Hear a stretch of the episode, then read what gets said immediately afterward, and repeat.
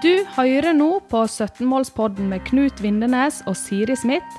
En podkast fra Høgskolen på Vestlandet om hvordan vi på høgskolen og våre samarbeidspartnere jobber med FNs 17 bærekraftmål.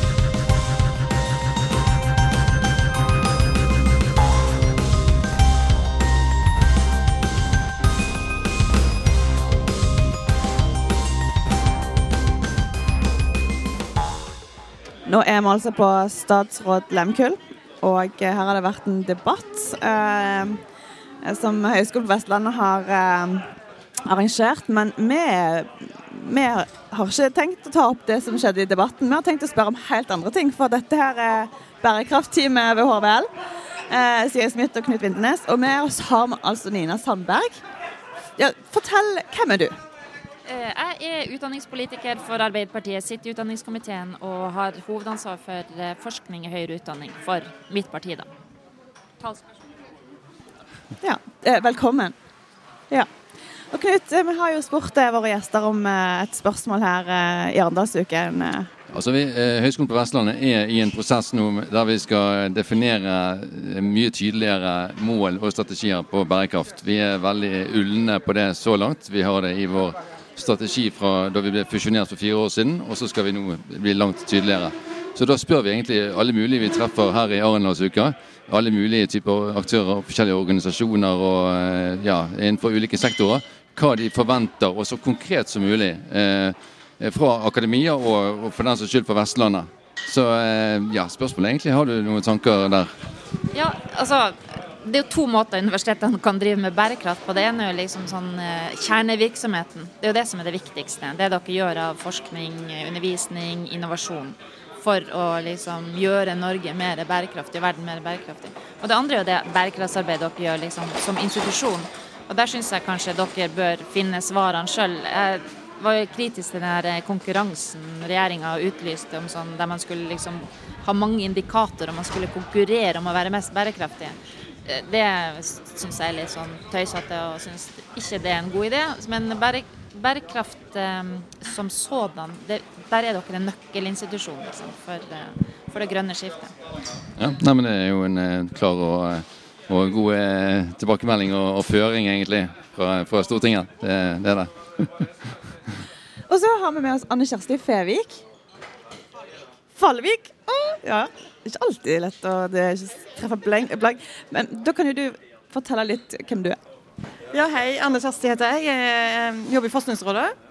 Jeg er en av de såkalt områdelederne i Forskningsrådet, så jeg sitter i ledergruppen. Det har jeg gjort i noen år. Før det så var jeg gründer, og så har jeg vært i industrien, og så har jeg vært i akademia. Spennende. Områdeleder for hvilket område? Det heter noe så spennende som næringsutvikling og nyskaping.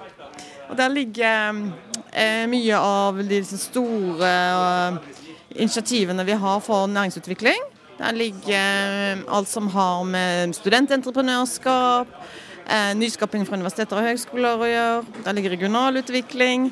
Og så har jeg også ansvar for helse- og livsvitenskapen og teknologiområdene. Så. Jeg synes det er sånn strategien til HVL nesten. Det var masse like ord her. Ja, men, men, vi har altså vært eh, og truffet en del eh, aktører her på Arendalsuken og med, med Bærekraftteamet. Eh, du var ikke her når vi begynte her, men um, så vi utforsker hva bærekraft betyr for de ulike. Uh, og med et spesielt, spørsmål som har stilt veldig mange. Og det er um, hva betyr, altså hva forventninger har du til akademia når det gjelder bærekraftig utvikling? Nei, jeg tenker jo at en moderne utdannings- og forskningsinstitusjon i dag, det altså License to operate, det må være basert på at du tenker bærekraft. Um, I utdanningen, i forskningen og i innovasjonen. Og så er det kanskje så tenker jeg at man blir, bør bli, det tror jeg man blir, pusha av, av, av studentene. Jeg tror man blir pusha av samarbeidspartnerne sine. Veldig mange nå er helt avhengig av å, være, ha bærekraft. Ikke som sånn 17. mai-preik og sånn som henger på veggen som sånn slagord, men, men, rett og slett i, i det de gjør. Så jo, hvis man har eh, stort samarbeid og bredt samarbeid, så er jeg helt sikker på at det er et krav fra partnerne. Og så tenker jeg også at um, sånn bærekraft altså Når man må jo avmystifisere det. Og det krever kunnskap og innsikt. Og der tenker jeg at universitetene har, og høyskolene har med sin bredde, fagbredde mulighet til å bygge kunnskap, koble kunnskap, belyse, og, og kanskje også være en litt sånn um, ren, pur stemme. Samtidig. At, så, ser vi mange oppdrag gå til konsulenthusene. Kanskje, kanskje universitet og høyskoler kunne vært en sparringspartner med bedrifter store og små som skal inn i bærekraftsverdenen. hvor man liksom det å se på problemstillinger fra ulike vinkler, altså for politikkutforming altså jeg tenker Det å bygge kunnskap rundt bærekraft og avmystifisere det, både den sosiale, den miljømessige og, og den økonomiske bærekraften.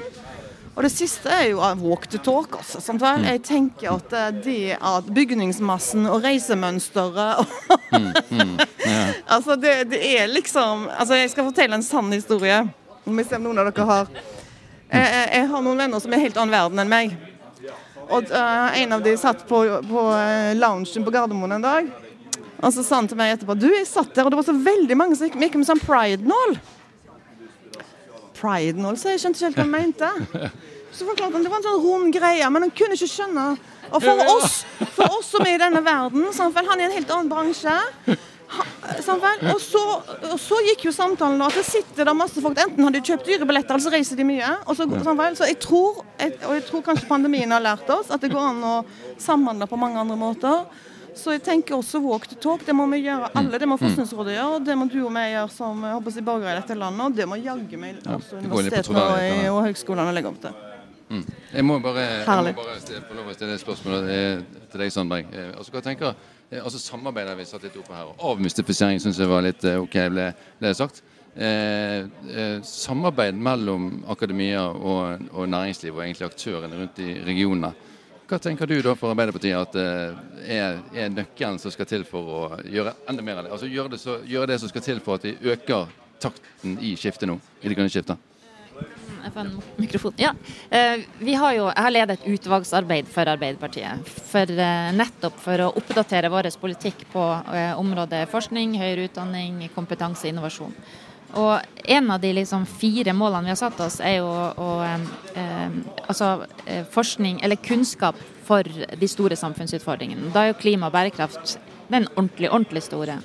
Eh, og eh, det vi sier der, er jo bl.a. at man må få bedre samarbeid mellom altså, forskningsinstitusjoner, næringsliv, sivilsamfunn. Alle må trekke i samme retning. I Norge så er forskninga egentlig litt for svakt koordinert, sier jo. Altså Noen sektorer er dårligere liksom, retta inn på det her enn andre. Så det ene vi sier er at man trenger et eh, løft for forskning. At man har et mål om 3% Næringslivet må bidra mye mer enn det gjør. Vi vil ha en strategi der de skal bidra 2 eh, liksom, innen et litt lengre tidsperspektiv. Eh, og I tillegg så må man vri mer av ressursene i retning av å løse de ordentlig store samfunnsutfordringene. Og da klima og bærekraft sette tydeligere mål, sånn som vi gjør med innenfor forsvarspolitikk og bistand og, eh, og sånn. Eh, og, og, være tydeligere på føringene på vridning av forskningen mot det grønne skiftet. Så, man må løfte midlene til forskning. Det går ikke an å liksom få mer ut av den samme potten. Hvis du skal få det her til, så må du ha mer ressurser inn i sektoren, og du må vri en andel av midlene i retning av de store, der samfunnet har store behov. Og det her er en krise, så her nå har jo pandemien vist at man kan koordinere hvis det trengs, eh, og dette er også en krise. så der må man sette, sette midler bak ambisjonene. Jeg tror også dette her med Vi har jo bærekraftsmålene, ikke sant? Og de, det var det du refererte til, regner med på denne pride-pinsen der, ja. Eh, I tilfelle noen ikke tok den. Eh, men, men og nummer 17, mål nummer 17 er samarbeid for å nå målene. Jeg har NFR sine utlysninger eh, altså Legger det, det, målet til grunn eh, mer eller mindre enn noen av de andre, f.eks.? Altså, hvordan blir samarbeid? For Jeg tror nok det er noe av altså, måten å lykkes på. Det at vi, at vi jobber på tvers. Mm. Altså, Vi har jo egne grep og virkemidler eh, som har formatet samarbeid i seg. Um, og Det er det jo veldig mange som liker. Også, men så har vi også noen midler hvor du som enkeltforsker, som ungt talent, kan søke og bygge en egen forskningsgruppe. Men det er jo ingen som sitter sam, altså, i, i enerom i dag og forsker. Men det er ikke alle midlene vi lyser ut som har krav om samarbeid. Um, men det vi ser, er jo at um, altså hvis, hvis, Det som har skjedd de siste årene, er jo at selv de litt større bedriftene som hadde egne forskningsinstitusjoner, nei, forskningsavdelinger før, og som kanskje har det enda, er livredde for å bli stiavhengige. Livredde for å ikke snakke med de unge talentene eller de sexy SMB-ene eller de som har vært nettopp på sabbatical. Så men det er mye mer sånn man, man driver mye med åpen innovasjon. og liksom skutt hull i veggene på en måte og, og samarbeider mye mer. Så, så for, for, for, for, de som liksom før kanskje vi tenkte jobba litt, litt, internt og kanskje ikke bidro så mye til kunnskapsspredning, så er rett og slett forholdene, behovene for kunnskap, ferskvare, annerledestenkning blir utfordra så stort at det, jeg tror det er mye lettere nå for oss å liksom det, er ikke vanskelig for oss å få opp samarbeidsprosjekter, for å si det sånn. Men så kan du si at det, pandemien har vist i vår portefølje at det har kommet opp helt nye partnerskap. Folk som aldri har samarbeidet før. Altså, bransjer som aldri har samhandla før. Aktører som aldri har samhandla før. Dels av nød har det i pandemien, men også fordi at uh, det kom masse tiltakspakker som har spilt opp midler. Sant vel? Og så, så, så vi er jo veldig opptatt med at vi liksom heier på den der, eh, de der disruptive samarbeidsaksene videre, så ikke de forsvinner. Så er Sandberg, en du kommentarer? Ja, eh, for jeg kom til å tenke på EUs New Green Deal og Horisont Europa, som er liksom store på en måte, ja, For det første inspirasjonskilder, men også Horisont Europa er jo et strukturelt tiltak for nettopp å koble liksom næringsliv, akademia og litt sivilsamfunn, organisasjoner. Så jeg har veldig troa på det, men de, altså, man trenger strukturelle virkemidler for å få det til. Så det er noe som politikerne er nødt til å ta med seg. Jeg tror vi får tak i hodet her snart. Eh, nå har de rigga ned hele dekk, så jeg tror vi, jeg tror vi gir oss. Men, eh, ja, sant. men uh, tusen takk for at dere kom og var med på en liten sånn samtale på tampen om bærekraft. Det var veldig ja, kjekt for oss. Kjempebra. Ja. Så fin dag videre.